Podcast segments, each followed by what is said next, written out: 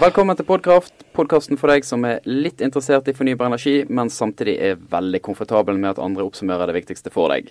For første gang på lenge så er panelet vårt fulltallig.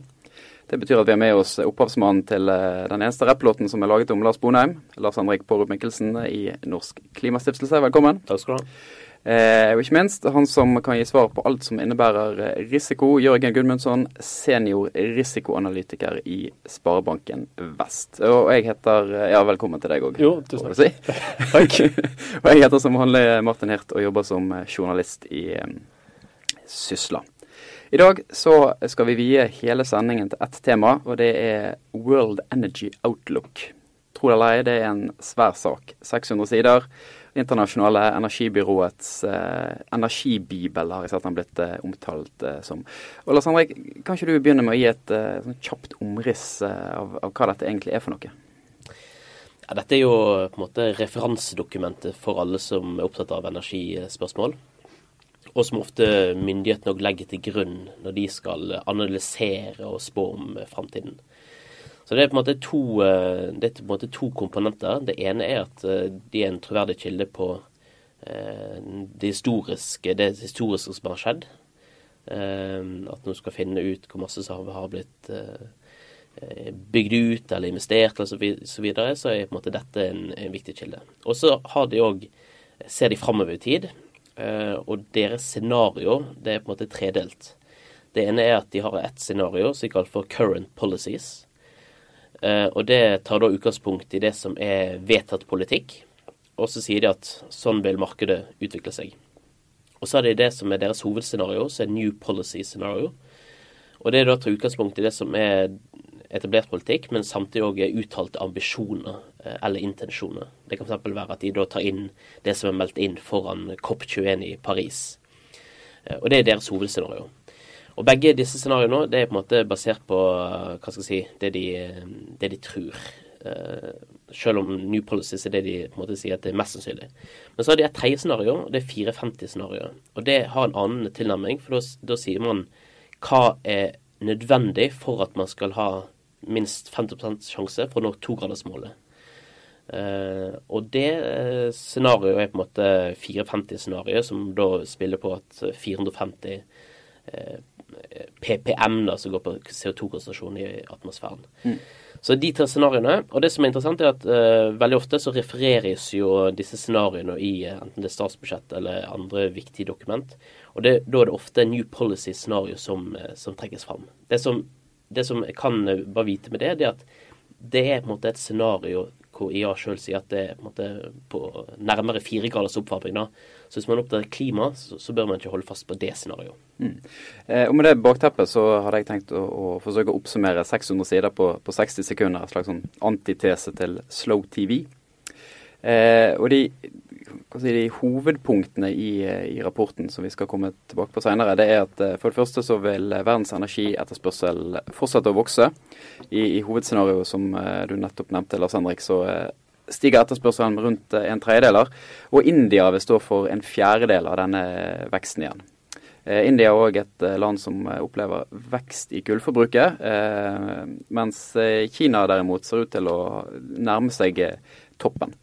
Fornybar energi passerer kull som største kilde til elektrisitet eh, midt på 2030-tallet. De får òg 60% av eh, fremtidige investeringer. Samtidig så sier IEA at eh, skal man nå togradersmålet, så må det kraftigere lut til under Paris-toppmøtet. Eh, og eh, kanskje mest interessant for Norge, så har de òg en del refleksjoner rundt eh, oljeprisen. de mener at den halveringen som vi har opplevd nå den, det siste året vel, eh, skyldes i hovedsak sykliske årsaker, og i dette hovedscenarioet så vil eh, prisene stige til rundt 80 dollar fatet i 2020. Og så utelukker de heller ikke at oljeprisen holder seg eh, på dagens nivå, og eh, det kan skje hvis produsentene i Midtøsten øker produksjonen eh, vesentlig i forhold til, til dagens bilde. Så tenkte vi kunne begynne med noen innledende refleksjoner før vi dykker ned i, i konkrete temaer. Og Eh, Jørgen, som, eh, som økonom, mm. hva Eller for så vidt som, som menneske og nordmann og en glad kar, hva tenker du etter å ha lest dette?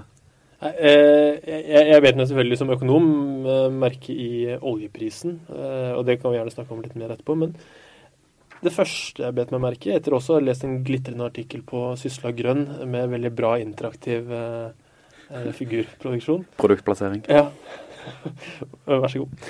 Eh, det, det, var jo, for å sitere Tord Lien, eh, det er fortsatt rom for kull eh, eh i 20, 2040 med dette, dette 450-scenarioet. I det current-scenarioet som Lars Henrik snakket om i da var det rundt 28% av verdens energiproduksjon eh, kom fra kull. I, I, det 450 så skulle det være ned til 15 det, er, det overrasket meg mest, egentlig. Og det er åpenbart ytterligere, eller rom for ytterligere tiltak for å kutte det ned. Eh, erstatte det med i hvert fall renere former for ikke-fornybar energi. Jeg la meg egentlig merke i tre ting. Det ene er at uh, det er ikke så veldig mange år siden man, man tenkte at kullveksten i Kina var uendelig. Nå sier man at uh, Kinas uh, kullforbruk uh, er i ferd med å nå toppen, om de ikke har gjort det. Det andre er at man uh, ser tegn på at oljekonsumet i USA går ned. og det viser en del utvikling om transportsektoren, hvor, drivs, altså, hvor, man blir mer drivstoffgjerrige kjøretøy, selv om utviklingen i fjor stagnerte litt. Og så er det tredje, det er på en måte det store spørsmålet. Hva skjer i India? Eh, blir veksten der som i Kina at det blir veldig fossil energi dominert? Eller kommer de til på en måte hoppe over og bli mer fornybare eh, i en tidlig utviklingsfase? Og det er på en måte I en sånn klimaperspektiv så, så det er på en måte den store nøkkelen. India de må ikke bli så kulldominert som det Kina har vært. To refleksjoner på det. Altså, for det første, det første du snakket om, det med, det med at man, eh, som du også nevnte innledningsvis, at eh, selv om vi har en global vekst på over 150% i dette scenarioet her, så vil du bare ha en energivekst fra, eh, på, på 30% en tredjedel. Og det harmonerer jo også godt med at man blir mer energieffektiv. Og det har vi også sett på oljeforbruk blant de modne vestlige økonomiene. Det er ikke der økningen i etterspørselen har kommet de siste 15 årene. Det er bl.a. Kina. ikke sant? Så De er, de står ikke for en stor del av eh, global oljeetterspørselen, men de har stått for en veldig stor del av økningen i etterspørselen. Og når Kina nå også eh, strammer inn på kullforbruket, eh, så vil det også være sånn, og, da vil jeg tenke, tenke seg at de eh, er opptatt av å finne nye teknologiske måter å, å, å utvinne, eller benytte energi på eh, som er renere. Og det er ikke sånn at India lukker altså, eh, har skylapper for det. Altså, Ny teknologisk utvinning det kommer jo land som ikke har utviklet seg økonomisk sett, til gode på en raskere måte. Enn det vi, en, altså, så det er, det er, på en måte fordelen med å være sent utviklet. At du kan høste av hva alle de andre har gjort mm. teknologimessig. Mm. Og så er det jo interessant å se på India, så refererer de til hva som er altså ny statsminister Modi sine ambisjoner da, om f.eks. innenfor sol, som er ganske ambisiøse.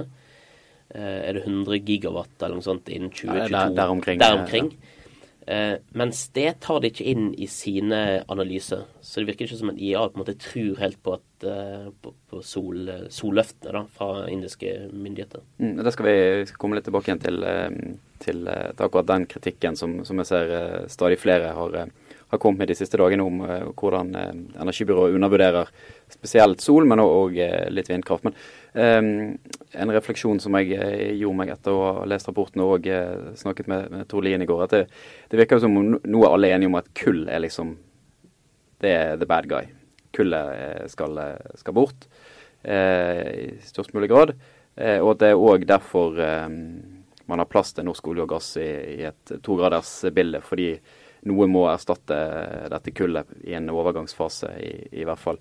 Og Eh, men, men, så har vi dette med, med, med oljeprisen. Altså 80 dollar fikk nok sikkert norsk oljebransje til å puste, puste lettet ut i, i går. Og så eh, ser man da um, Seth Kleinman, som leder for energistrategi i den amerikanske banken Citi, som er intervjuet i, i DN på onsdag, og varsler bråstopp for olje etter 2025 og mener Norge nå må bare pumpe opp som fy og selge det mens det, mens det er lønnsomt. Eh, ikke det en litt eh, dommedagspreg eh, over? Ja, altså, jeg har også lest sånne kommentarer, og det er måte, litt sånn mer konspiratoriske årsaker. At Eh, hvorfor Saudi-Arabia holder, holder, produksjonen oppe også. Fordi eh, hvis dette er et eh, La oss si du gjør et veddemål da, på at eh, det blir eh, forpliktende klimatiltak om å, å nå togradersmålet. Det vil jo gå kraftig utover oljeproduksjonen, selvfølgelig. så Istedenfor å la olje ligge i, bakke, i, bakken om noen år, så heller pumpe den opp i dag for å få noe avkastning av det. Og, avkastning på det. Så det er jo på en måte en naturlig konsekvens av det. at Hvis du vet at noe kommer til å bli forbudt i morgen, så da selger du det i dag. Men det, det som Norge bør merke seg, det er at uh, IA skriver jo veldig tydelig at det første som ryker når oljeprisen er lav, det er jo på en måte dyre prosjektene. Og da nevner de på en måte tre kategorier olje. Og det ene er um, oljesand i Canada. Og så de her uh, ekstremt dype havområdene som er dyrt å utvinne. Og det tredje er arktisolje. Og det er klart at Når Norge da sikter seg mot arktiske strøk med 23. konsesjonsrunde, så er jo på en måte vi så jo på en måte de ressursene de ligger i et område som vanskelig vil la seg eh, utvinne eh, med lønnsomhet i et eh, lavprisscenario.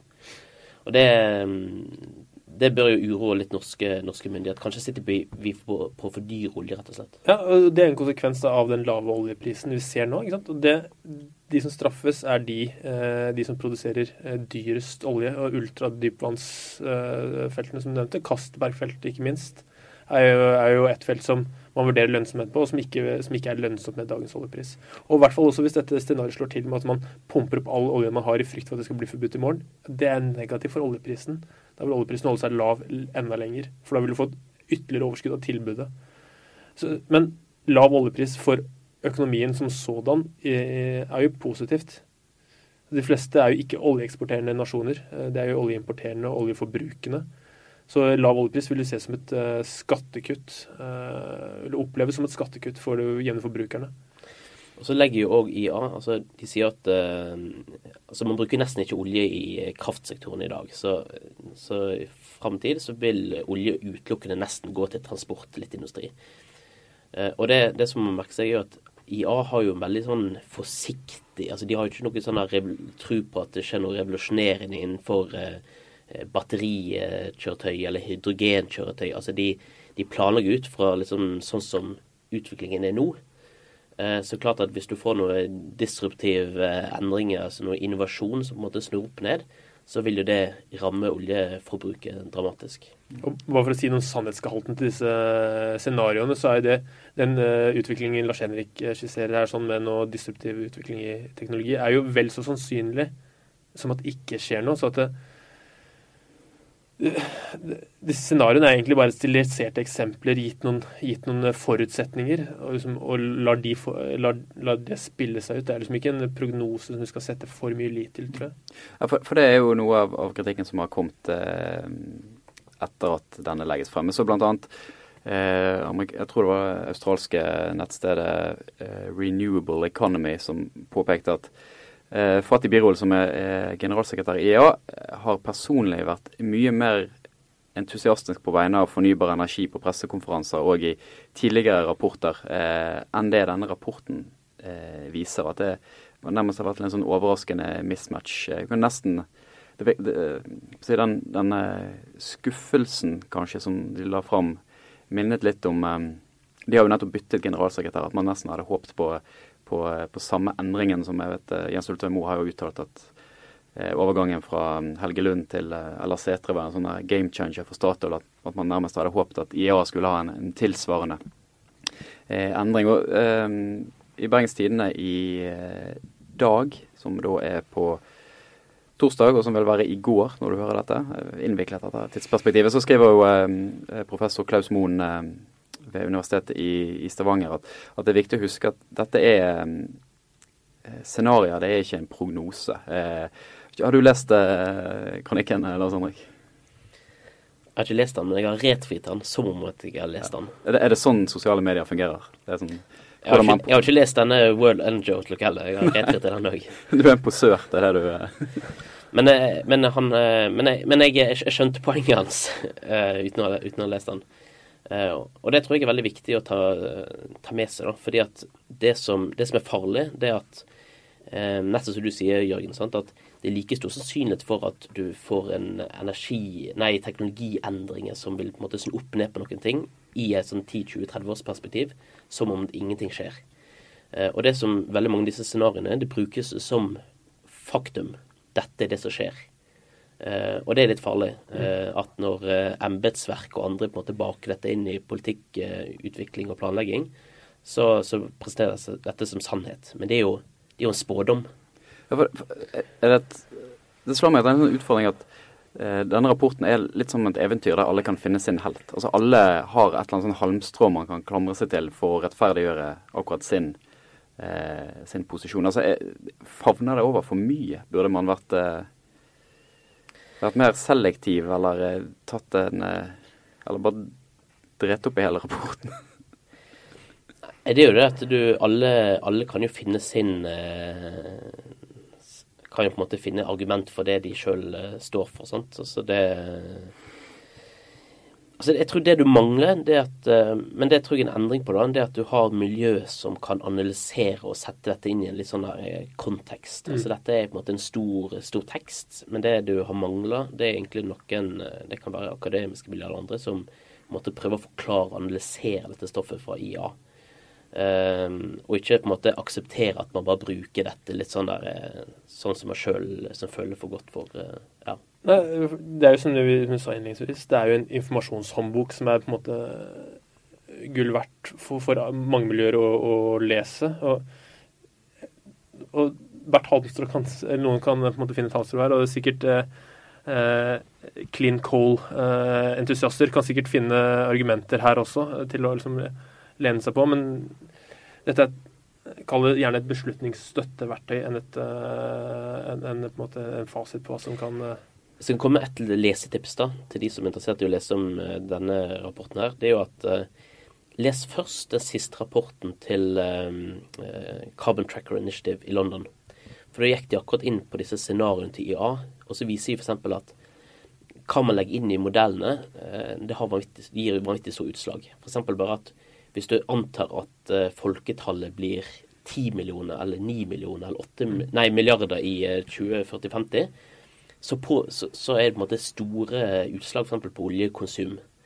Uh, og så har de tatt for seg på en måte veldig mange ulike elementer av disse modellene og sagt hvor usikkert det egentlig er. Så les først den før du går inn på World Energy Outlook. Mm. Skal jo legge til at uh, denne rapporten vi diskuterer koster 120 dollar i kjøp òg, så um det, det, det er jeg faktisk stusset litt over. Burde ikke dette være gratisverktøy for alle? Altså, hvor, Har de så dårlig råd at de er nødt til å selge Jeg vet ikke hvor mange kopier de selger av den PDF-en? Nei, Det er helt uh, merkelig system. Det er jo uh, veldig avleggs. Jeg, jeg, og jeg kan ikke fatte at uh, Jeg hadde jo aldri giddet å kjøpe denne rapporten her. så det jeg vil anbefale folk å gjøre, det er å logge seg på sånne universitetsnettverk. Da du, kan du laste ned fra OECD sitt bibliotek gratis. Uten passord. Det er sånn du har fått tak i den? Ja, det er sånn jeg har fått tak i. Altså, du kan jo, du kan jo finnes, altså Bare ved å eh, på en måte laste ned denne gratis, så eh, har du på en måte spart inn semesteravgiften eh, ganger 50. eh, altså en, for å følge opp litt det du sa, Lars Henrik, at man har andre miljøer som kan, kan gå inn og se på, på, på, dataene. Tidligere så har det jo vært en, en sterk kritikk mot at man har undervurdert solenergi. Og det gjør man jo til dels eh, Eh, denne gangen òg. Din eh, kollega Anders Bjørtnes har, har skrevet en eh, bloggpost om, om hvordan man, man, undervurderer sol på nytt. Ja, altså de, altså de erkjenner jo liksom at det har vært en veldig kostnadsutvikling, og at utviklingen har skjedd fortere enn det de har trodd før. Men likevel så er de veldig forsiktige i anslagene. Um, og Hvis du da på en måte fordeler det de tror vil være installert kapasitet i 2040, så blir vel det noen ja, 30-ish eh, gigawatt i året. Eh, det er mindre det det var i fjor. Eh, I år så antar man at det bygges ut kanskje 50 gigawatt. Så det er klart at de er veldig forsiktige. Og hva ville skjedd med modellene hvis de hadde lagt seg på det jeg vil mene da, er et mer realistisk vekst? Ja, men er, er ikke det litt den samme kritikken som vi egentlig på en måte argumenterte så fint mot i stad? At det er jo egentlig ikke, et, er ikke en prognose, egentlig, men det skisserer noen scenarioer. Og så har du, det er nettopp fint det du også nevnte, at du kan, hvis du går inn til eh, ja, Nå har jeg glemt hvilken side du kalte dette. Men, eh, Men der du kan endre forutsetningen for prognosene, kan du nettopp se hvor mye dette her har å si. da. Jo, men jeg tenker at det, det er ikke mm, et, altså, for, for, for, veldig mange da, sånn, så skjønnes stadig flere så innser de at IA de på en måte undervurderer vekstpotensial til sol eh, og vind, kanskje. Eh, men jeg tror for veldig mange som på en måte kun får med seg hovedscenarioene og på en måte sluttresultatet, eh, så, så blir dette farlig. I alle fall når de Hvem er det? Nei, det, det, kan være taleskriver til Tord Liens eller til Jonas Gahr Støre eller folk i embetsverket. Gå og les statsbudsjettet. Sant? Referanse til New, uh, new Policy-scenario osv. Og, og klart at når de bruker de scenarioene, og ikke tar inn over seg at forutsetningene er kanskje feil, at uh, her undervurderer man fornybar energi, så, så, er, det, så, er, det, så er, det, skadelig. Ja, men jeg, jeg tenker Forutsetningen til de som betyr noe, er de som har på en måte de finansielle investorene som skal på en måte virkelig, altså bidra i kroner og øre og bære dette fram. Jeg vil ikke tenke på at de tar dette her som god fisk. De vil gjøre eh, egne vurderinger når de skal investere i dette her. Og så om noen sier noe feil om en prognose på 30 år fram i tid, så hva så? Men, men, det har vært en veldig endring. da, for En del år tilbake så var det jo ingen diskusjon om forutsetningene bak eh, modellene til IA. Men det har jo vært en veldig endring nå, så du ser veldig masse, til og med i Norge, skriveri eh, om IA. Mm. Så har jo man sine egne referanser og på en måte analyserer i større grad det IA kommer, enn det man gjorde før. Og det er en, kjempe, det er en kjempeutvikling. Mm. Kjempeutvikling. Jeg tenker vi, vi gir oss der. Vi er tilbake neste uke sannsynligvis med nye temaer. Hvis du har eh, forslag til ting vi bør diskutere, så eh, send meg gjerne en e-post på martinalfakrøllsysla.no eller alfakrøllhirt, H-I-R-T-H, H-I-R-T-H, klarer ikke å uttale mitt eget navn lenger. Takk for i dag.